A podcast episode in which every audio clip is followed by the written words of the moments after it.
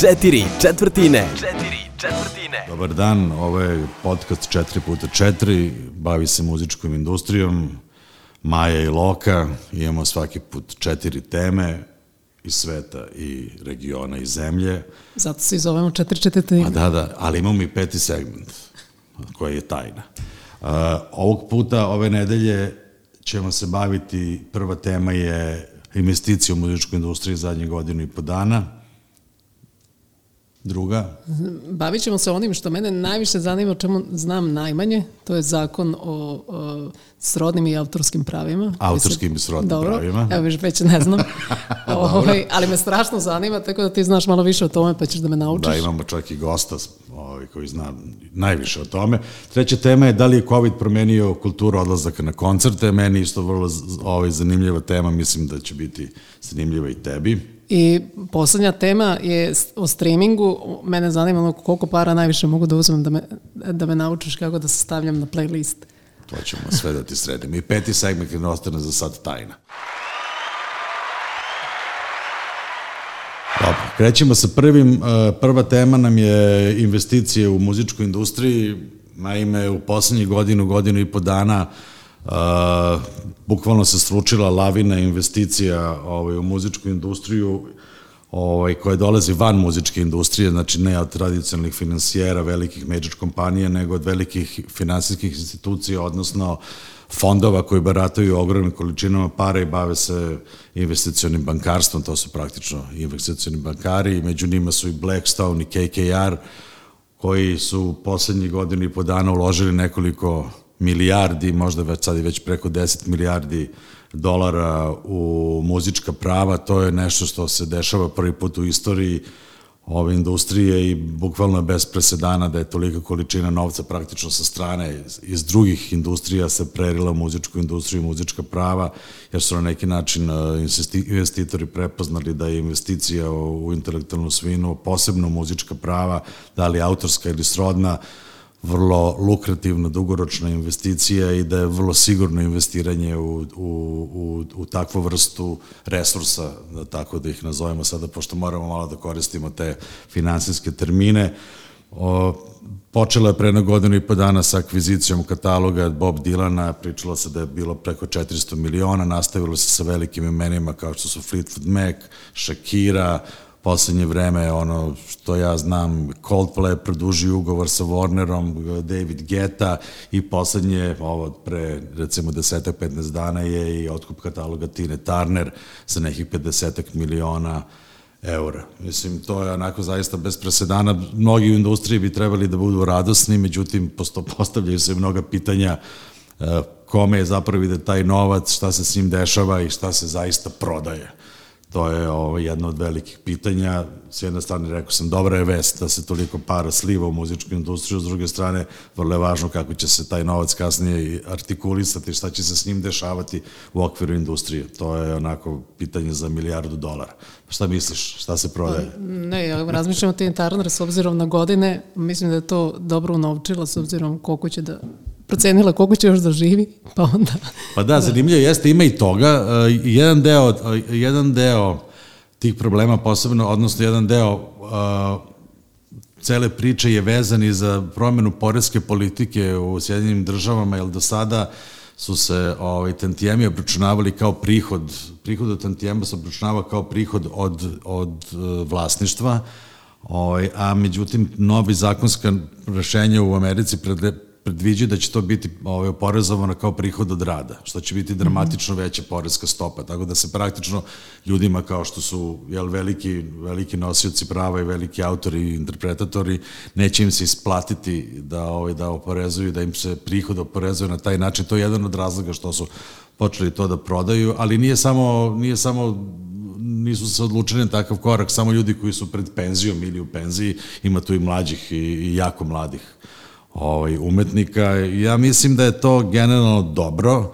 E, mislim da je dobro da umetnici nekako shvataju da moraju da te resurse stave u ruke profesionalac koji će se baviti kasnije, rekao, a, a, a, daljom eksploatacijom ovaj, tih prava u obostranu korist, ali mislim da ova paradigma koja je vladala zadnjih deseta godina da sve može umetnik da radi sam, se prosto pokazala kao nemoguće, jer je jako teško upravljati svojim intelektualnom svojinom i u isto vreme baviti se muzičkom karijerom. Mislim da je to jedan komplikovan proces, zahteva puno administrativnog znanja i puno vremena koje se provodi da bi se jel, nešto monetizovalo, a nešto je tako, jel, vazduh je, pošto su pravo u pitanju.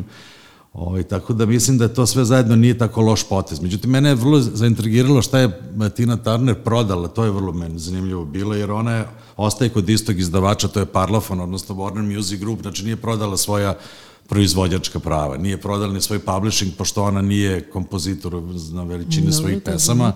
Na kraju se ispostavilo da je ona stvari prodala uh, prava na svoje buduće tantijeme, odnosno prepustila je svoje buduće tantijeme nekom drugom za jel, finansijsku kompenzaciju. Tako da će u buduće, kada Warner, nemam pojma, proda njenu ploču, tantijeme umesto Tini Turner plaćati BMG-u koji je kupio ta prava. BMG još kupio neka prava na lik i delo, tako da će vjerojatno da se bave nekim merchandisingom, prodavaće nešto što je vezano za Tinu Turner, da će biti majice, šolje ili nešto tog tipa, ali je vrlo zanimljiva ta diversifikacija prava, odnosno šta sve u okviru jedne pesme ima puno prava koje mogu da se prodaju investitorima i da se toga napravi rekao neki vrlo, vrlo solidan prihod, što je, ja mislim, vrlo interesantno i trebalo bi porazmisliti o tome kako može najbolje da se na neki način prenese na domaće tržište. Mislim da bi ti mogla da prodaš svoje buduće prava nekom.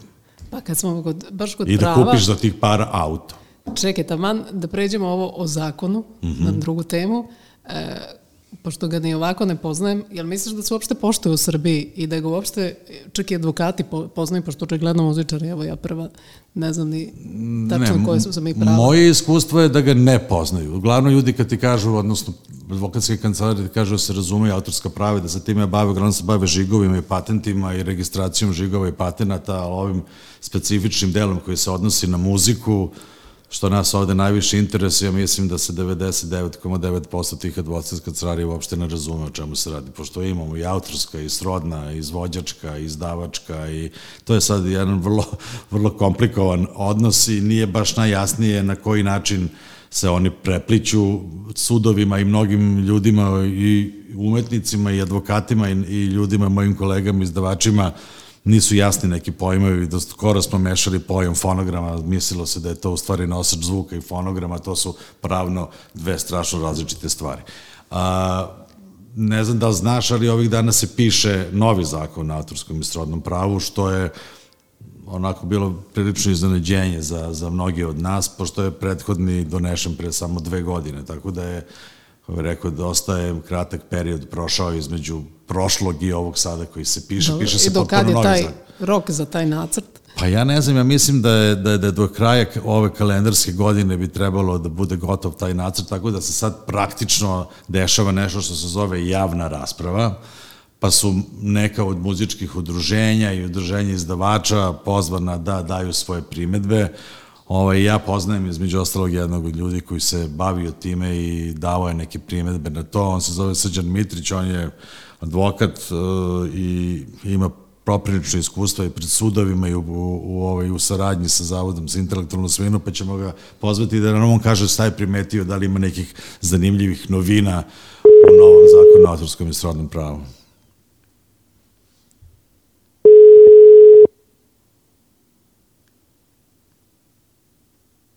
Halo. E, dobar dan, gospodin Mitrić. Da, dobar dan, dobro večer. dobro večer. E, ovde su Maja i Loka. Mi smo čuli da se vi, gospodine, razumete u autorskoj srodno pravo. To tačno? Pa ne znam, neki tako kaže, ne bi ja da se izjašnjam. Volao bi da ovaj, istina, ne znam. Da, da budemo ozbiljni, e, piše se novi zakon na autorskom i srodnom pravu, pa nas zanima, evo prosto i malo diskutujemo o tome koliko je ovde razumevanje, koliko ljudi poznaju taj zakon, koliko poznaju njegovu primenu u praksi, Uh, obzirom da si ti jedan od onih koji je učestvuje u takozvanoj ravnoj raspravi ovaj, u odnosu na zakon, znam da si pisao i da si davao neke predloge ovaj, jel, u, da, neke izmene u tekstu, da li možda nam kažeš da li ima nešto što je vrlo zanimljivo što se tiče baš muzičke industrije i diskografije, nešto što su neka nova rešenja koje bi možda nas ovde mogle da zanimaju? Da, da, da za sve.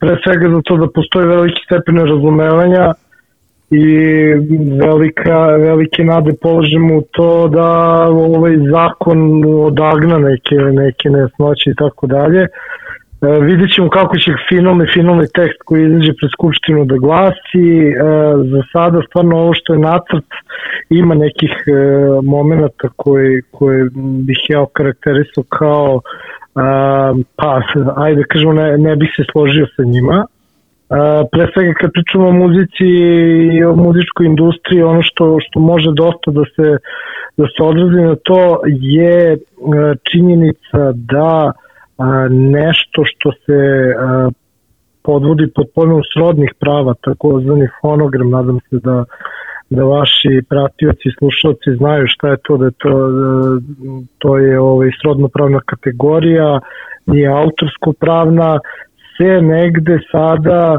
implementacijom e, direktive koja se bavi e, delima e, čiji autor nepoznat se na malo vrata praktično izjednačuje pojam autorskog dela i e, pojam fonograma, što je po meni dosta problematično baš iz, pro, e, baš iz razloga što se u praksi, nažalost i sudskoj praksi, dosta mešaju ti pojmovi koji su poprilično razdvojeni i, po, i svaki je prilično važan e, za svoj segment koji, a, e, koji obrađuje. Da pojasnimo, Tako da to je, to je recimo, da, evo, da, da, da prenesemo to na neki praktični teren. Uh, Uh, fonoganska prava, odnosno pravi proizvođača fonograma, ali da kažemo diskografa kolokvijalno, jel, da bi svi bolje razumeli, bi trebalo da budu uh, vrlo decidno razdvojena od autorskih prava i ona praktično se ostvaruju sama za sebe bez uticaja autorskih prava. Tako bi trebalo da bude po teoriji. I bilo kakvo pre, približavanje, odnosno mešanje, stvaranje neke sive zone između te vrste prava bi moglo da stvori konfuziju oko titulara nad, nad vlasništvo nad fonogramom. Tako je. Da, to je Tako vrlo je. bitno. Da, mi imamo često situaciju gde autori iz nekog iz neznanja najčešće smatraju da su ovaj, i oni vlasnici i fonograma na kojima su zabeležene njihova autorska prava i na neki način svojataju nešto što bi trebalo da bude potpuno odvojeno od onoga što je autorska pravna zaštita i to je se često mi na sudovima imamo te probleme gde se, gde se te stvari razdvajaju. Da.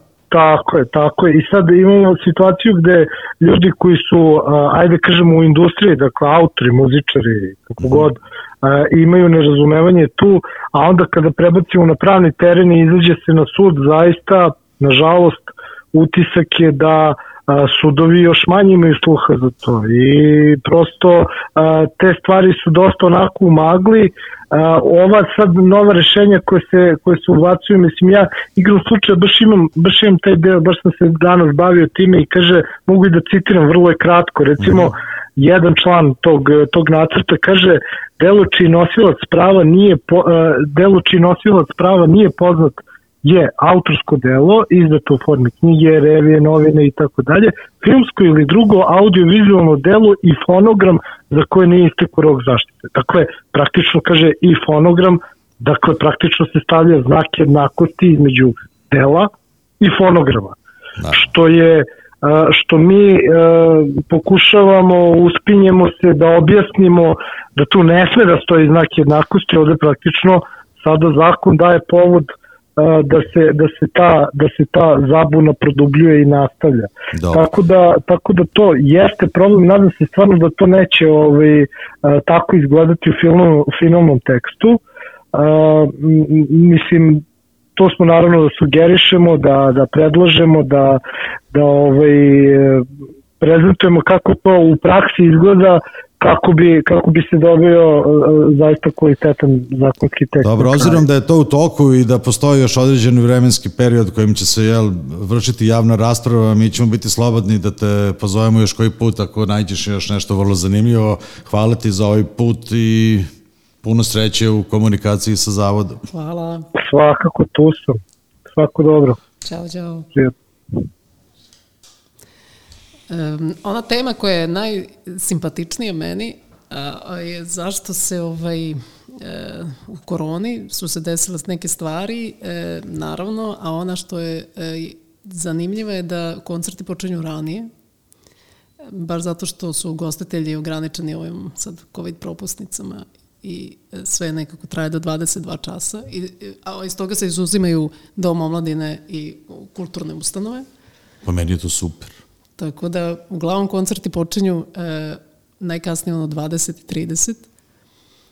I to je sad jedno novo vreme. Pa ja mislim da, mislim ako mene pitaš za mišljenje, ja mislim da je to odlično, da je na neki način COVID e, napravio neki presek i stvorio neku novu kulturu da i mi najzad i kod nas prihvatimo tu činjenicu da koncerti treba da počinju u 8 kao svuda u svetu, jer to je nekako deo ipak kulturnog programa, ne noćnog izlaska po meni.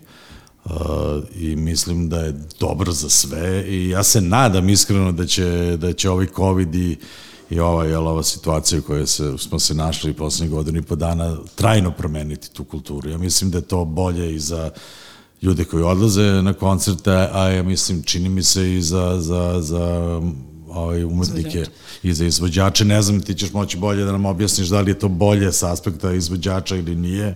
Pa imaš više opcija sa aspekta izvođača sigurno da, da je bolje.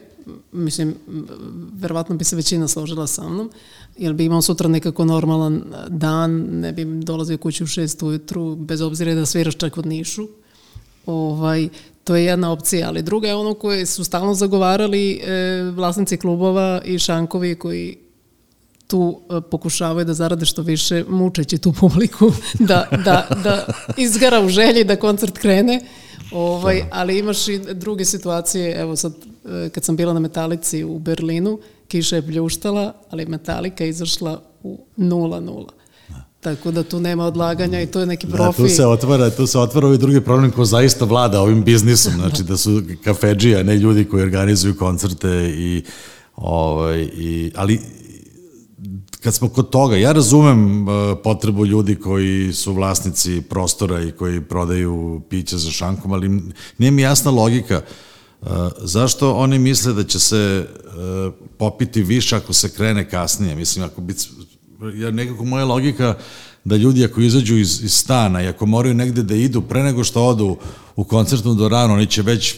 određeni deo budžeta koji imaju za to veče potrošiti na drugom mestu. Mislim, meni bi bilo uh, logičnije s aspekta nekoga ko jel, kontroliše taj šank, da te ljude čim izađu iz kuće nekako dovedem u svoj prostor i tu da im ponudim neku konzumaciju nečega, dok još imaju para, jer često se dešava ljudi dođu na koncert tek u 10 uveče kada su već negde drugo bili i ostali bez love. Mislim, čini mi se da bi možda bilo to na neki način i lukrativnije i za ove koji kontrolišu te šankove. Ja mislim da je ovo samo neki, neka rekao, stara usvojena navika, neko nepisano pravilo u kome nikom su, suštinski ne razmišlja. Ja zaista ne vidim neki strahovito veliki boljitak da nekog mučiš da do 11 uveče da ne krene koncert, on već više iznemogne, me samo da kući. Pa to jeste staro pravilo. Znaš šta, u, u ajde da kažemo, poslednjih dve, tri godine se to nekako popravilo, zaista i kad napišeš koncert u devet, publika i očekuje sad da bude u devet, pogotovo festivalske satnice koje ranije pre tipa sedam godina nisi mogao da zamisliš da dođeš na vreme i da, i da nešto krene na vreme. A to sad A ide sada, na vreme, ja? Da, sada se to uglavnom poštuje bukvalno u minut, na, skoro na svim festivalima, to već ide nekim svojim tokom odavno, da kažemo, po satnici. Pa dobro, šta bi ti volila? Bi ti volila da počinješ od sad pa nadalje budući da sviraš u 8 ili bi volila da ostane kako je? Slušaj, da ti kažem, ja bih volila uh, u 8, 9, u 9 je možda najidealniji za mene lično, neki moj e, ritam, ali e, svirali smo Arsenal festival dva ili tri puta, zatvarali smo binu na, bukvalno to je u tri ujutru kreneš. Tri ujutru. Da, i Majko to je teško za nas, ali kad izađeš na binu, a ta već razuvarena publika, ovaj, je neki specijalan događaj. Tako pa, da, dobro, sigurno, znaš, da, da, tu kreću raznih, neki da. abstraktni da. momenti. ja taman mislim da ne mogu ni ja da sviram kad izađem, ali to kad te ponese, onda, znaš, ima, neku, ima i to svitanje neku svoju uh, čar. Dobro, da, ali, ok, to su festivali, znači, ajde, da, možemo da, da izdvojimo da. to kao neko specifično dešavanje, to ipak je jedna, jedna specifična forma, ali čini mi se za ove regularne nastupe po klubovima i po, čak i po ovaj, ustanova kulture kao što je Dom omladine, ja zaista mislim, mislim, možda sam ja, možda ozbiljno grešim, ovaj, da bi to trebalo bude u 8 i ja navijam i sve snage da to bude tako, pošto bih i ja onda odlazio na više koncerta. Meni ne odgovara, ja ne mogu da na koncertu u 11 uveče, to mi je kasno prosto ono, da, da pa pazi, ja noć ode nekim svojim tokom. Meni je idealno u 9 i kao izvođač i kao posetilac, mislim da je to... Onda glasamo za 9. Da, ajde. Dobro. 20 i 30. 20 i 30, da, da, da, da, da, vrata se otvaraju u 20, koncert 21, dobro, završi se do 11, Pa da, treba, ok, onda ljudi mogu da uhvate autobuse, ne znam dalje, kad idu poslednji autobus, do 12. Oko 12, 10, 15. Dobro. Uh, finalno za danas, uh, jel, ono što je na pameti svih uh, nas koji smo u ovom biznisu, to je naravno magičan red streaming. Uh, Srbija i ceo region je tek tokom 21. godine ovaj, postao, ali ono što se kaže, potpuno razvijeno digitalno tržište sa prisutnim svim relevantnim servisima. Nemamo sve, naravno, koji su dostupni, ali oni koji čine preko 90% streaming tržišta su dostupni u Srbiji, znači već tradicionalno Deezer, Uh, A čekaj, što se najviše sluša u Srbiji? Ili ima taj Sad ću ti sve reći, samo da kažemo šta sve ima. ima imamo Deezer, koji je tu već šest ili sedam godina, kroz neki, ono što se zove kolokvilno bundle deal sa, to je neka vezana trgovina sa Telenorom, uz neke određene pakete dobiješ Deezer za džabe, ovaj, imamo Spotify kao samostalnu operaciju, nije vezana ni za kakve tarifne pakete od prošlog jula 2020. Znači, praktično ćemo, ulazimo jel, negde u drugu godinu. E, I Tidal se pojavio pre 3-4 meseca, znači negde tamo početkom leta i imamo Apple Music koji je otvorio svoje vrata najzad Apple ovaj, da. posle dugo decenije u Srbiji. Tako da imamo sve te relevantne servise ovde i sada na neki način postajemo kompletno ovaj, digitalno tržište, što je zaista dolazi, znaš, kad pomisliš da je Spotify dostupan u skandinavskim zemljama već 12-13 godina, sa nekim dobrim zakašnjenjem od skoro 10 godina, ovaj, mi ulazimo najzad u taj rekao, taj digitalni ekosistem, što je, ja mislim, trebalo da bude dobra vest. Ne znam šta ti misliš, da koji koristiš i šta te interesuje, mogu ti reći. Znači, šta je bilo pitanje? E, pitanje je bilo šta se najviše koristi u Srbiji. Pa, Vidi, sad je to malo komplikovano. E, najveći broj pretplatnika ima Deezer, zato što je najduže tu i zato što je vezan sa tarifni paket ljudi koji koriste Telenor. Uh, međutim, e, prošle godine najbrži rast dramatično u odnosu na sve druge ima Spotify koji je, čiji se broj ovaj pretplatnika u deseto stručio za godinu dana. Uh, najmanje slušalaca ima Tidal, on se i dalje meri u stotinama, što me jako iznenadilo. Ovaj poslednji podatak je da ima samo 380. Čekaj, jedno pitanje. Ko, I kolika, YouTube, naravno. Kolika da. je pretplata?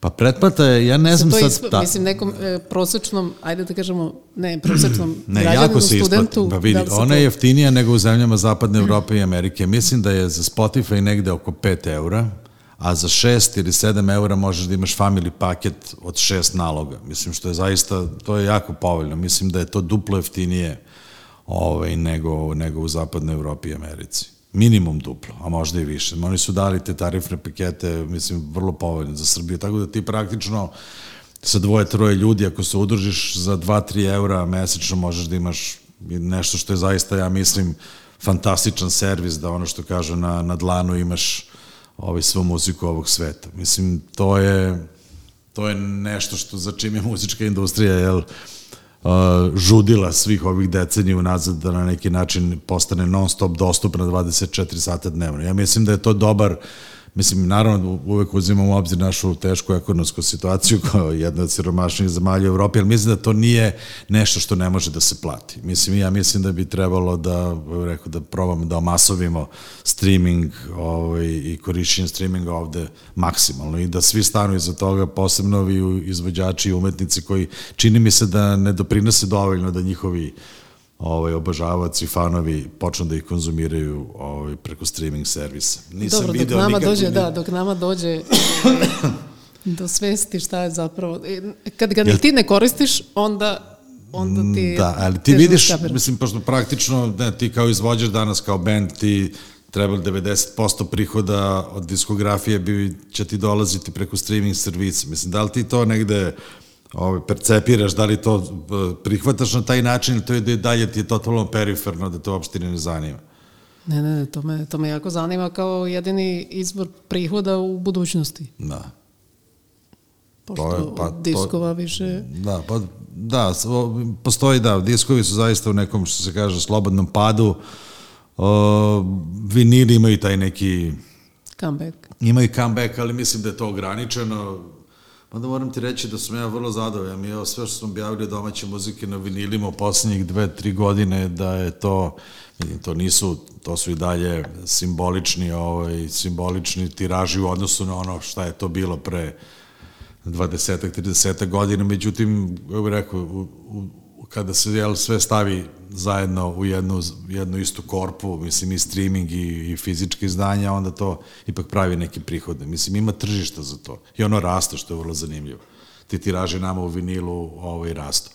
Ali ono što sam teo da kažem, uh, uh, treba će još puno vremena dok to ne bude zaista bio izvor prihoda i za za izvođače u, ovaj, u, u, Srbiji i u regionu, zato što je broj pretplatnika i dalje mali. Mi smo digitalizacija našeg tržišta je negde na 0,5% u razvijenim zemljama, da otprilike između 5 i 10% stanovništva već koristi te servise. Znači mi moramo da uvećamo između ono, par desetina puta broj pretplatnika u Srbiji da bi to zaista za nas bio neki, neki posao i da bi se to da, da. osetilo i u tom smislu ja mislim da svi koji su u ovoj industriji bi trebalo da se potrude da, da učine svoj maksim, maksimalno da doprinesu tome da, da publika shvati da bi trebalo da koriste streaming servisi, da toga i izvođači, i izdavači, i autori bi, imaju koristi, jer to je jedini legalan način da se, da se muzika konzumira. A nemam utisak da, da je, je i u ovoj umetničkoj, umetničkom delu populacije i u industrijskom da se priča o tome da ajmo da guramo, ajmo da promovišemo ideju streaminga i dalje se to nekako stidljivo no. Da. ovaj, o tome priča i niko ne insistira, niko se ne obraća svoje publice, kaže idite slušajte me na Spotify, slušajte me na Deezeru, te poruke se kod nas jako redko čuju. to ne, nije nešto što, što je sastavni deo promotivnih aktivnosti izvođača. Da, a šta si teo za kraj da, da kažeš kao iznenađenje? Šta je bilo? Da, pa te, teo sam, da šta sam teo da ti kažem, teo sam da ti kažem, ne znam šta sam teo da ti kažem, koliko... Teo si da mi kažeš šta ću da pustim. A, aha, da, ovo je peti segment, da. U petom segmentu, koji je sad praktično neki uh, freestyle segment, da. ja ću tebi da pustim jednu pesmu, ajde. a onda ćeš ti meni da pustiš jednu pesmu. Ajde, ajde. Hoćeš ajde, ja prvo ili ajde, ćeš ajde, ti? pusti ti. Ja.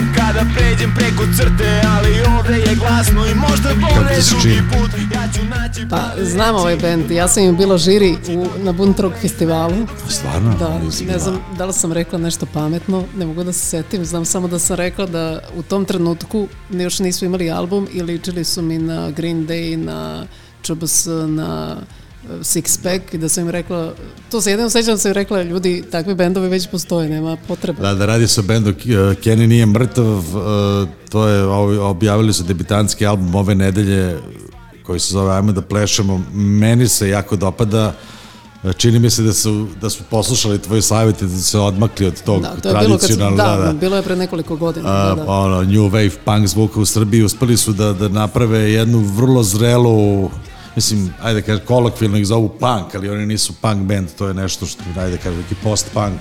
Meni se čini da je jako dobro i da je ono baš dobro osveženje na, na ovaj, u, u strnuloj, ovaj, kako se zove, uh, rock Da, da, vidim da dosta rock sviraju ekipi, ove da, neke da. festivale, sretali smo ih što smo svirali, tako da put je pred njima. Pa ja isto mislim, da, mislim da su osveženje i na, na neki način mislim da će ponovo da uzdrmaju ovaj, rock and roll publiku u Srbiji koja je nekako, ja mislim, čini mi se jedva čeka da im se desi, desi nešto novo i uzbudljivo. Jer od ovoga što im se nudi zadnjih 30 godina, mislim se svi malo umorili, što smo bili svedoci na ovim koncertima u septembru na Tašmajdenu da je bilo neko postrnuće.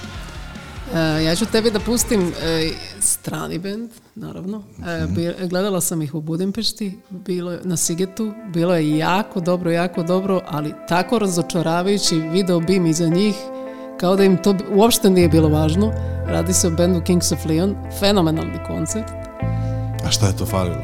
Pa, bim je bio kao Vinamp kad pustiš, pa ono bukvalno one kao vizualizacija ona možda i bio i vinam ja sam bila šokirana da, da o tome se ne vodi računa ili da je to tako neukusno ali koncert je bio sjajan to nije ništa omelo nego samo sam to zapamtila kao bilo je previše ljudi Sigit je bio fenomenalan to je Exit je njegova bleda kopija i dalje i mogu da kažem slobodno loša kopija ali jako dobar festival, uglavnom sa odličnim programom. Ovo im je novi album, onako skroz je radio friendly. Pa ja, vidi, e, kucaš na otvorena vrata, ja sam, ja pratim Kings of Leon od kad su se pojavili, to mi već jedno 15. godina, negde ranih 2000 tih sa onom ovaj, kako se, pojavom tih novih gitarskih bendova, bili su i oni Strokes i svašta se tu dešavalo u tom periodu i to je delovalo onako vrlo uzbudljivo. Meni su se oni jako dopali zato što su negde uspeli da povežu to rudimentarno svoje, ja mislim da su oni iz Teksasa, iz jesu, nekog jesu, malog grada. Jesu, da tako malo vuku na ono Alen Islamović. Da, da, imaju taj neki rudimentarni moment, ali uspeli su da naprave neki univerzalni rock and roll, da ga na dobar način uklupe u neki univerzalni rock and roll jezik i ja njih jako volim, čini mi se da imaju jednu vrlo zanimljivu estetiku, odlične pesme, jako dobro slažu harmonije, mislim da su onako baš, baš dobar bend i drago mi je da su se vratili, ja ne znam da li znaš, ovaj, to je vrlo zanimljiv podatak, oni su taj svoj novi album prodali kao NFT, to je non-fundable token, to je sad ovaj nova kategorija u, u digitalnom svetu i mislim da su ga prodali da im je prihod bio negde oko 2,5 miliona dolara od svega toga što je, mislim, dosta veliki uspeh bio. Da, pa sećaš se kad su Radiohead izbacili svoj album u digitalnoj eri i bio je da. minimum e, dolar Ne, za bilo je koliko hoćeš da daš. Ali minimum je dolar, u smislu ne možeš manje od dolara. Ne možeš da staviš nulu. Da, nisi mogao da staviš nulu, e, pošto malo bude neka minimalna transakcija. I za dan su im valjda skinuli milion puta i ako se računa da je barem svako dao ev, e, dolar, Znači milion je bio ne, da, ja sam, satu. Ja sam posle to, posle sam, ja sam, to je bilo vrlo interesantno, to je bilo recimo negde u, baš u jeku, najvećem jeku piraterije. Da, to je da. bilo oko 2011. 2012. 3,5 miliona funti je bio ukupan prihod u tom prvom Eto, mesecu. Ovaj, što je odlično i govori u prilog da ova naša industrija ovaj, ima taj jedan vrlo bitan emotivni moment gde se publika vezuje za izveđače i hoće da plati ovaj, da, da, da, da sluša muziku i u tom smislu mislim da je ovaj streaming neki dobar odgovor na, na sve one muke koje smo imali u zadnjih 20 godina kako da, da industrija preživi. Da, dobro, ovo je bilo za danas. Ovo je bilo za, za ovu nedelju. E, dakle, mi ćemo se zastajati jednom nedeljno, emitovat ćemo se svake subote, podcast se zove Četiri četvrtine, Maja i Lok. Četiri četvrtine. Četiri četvrtine.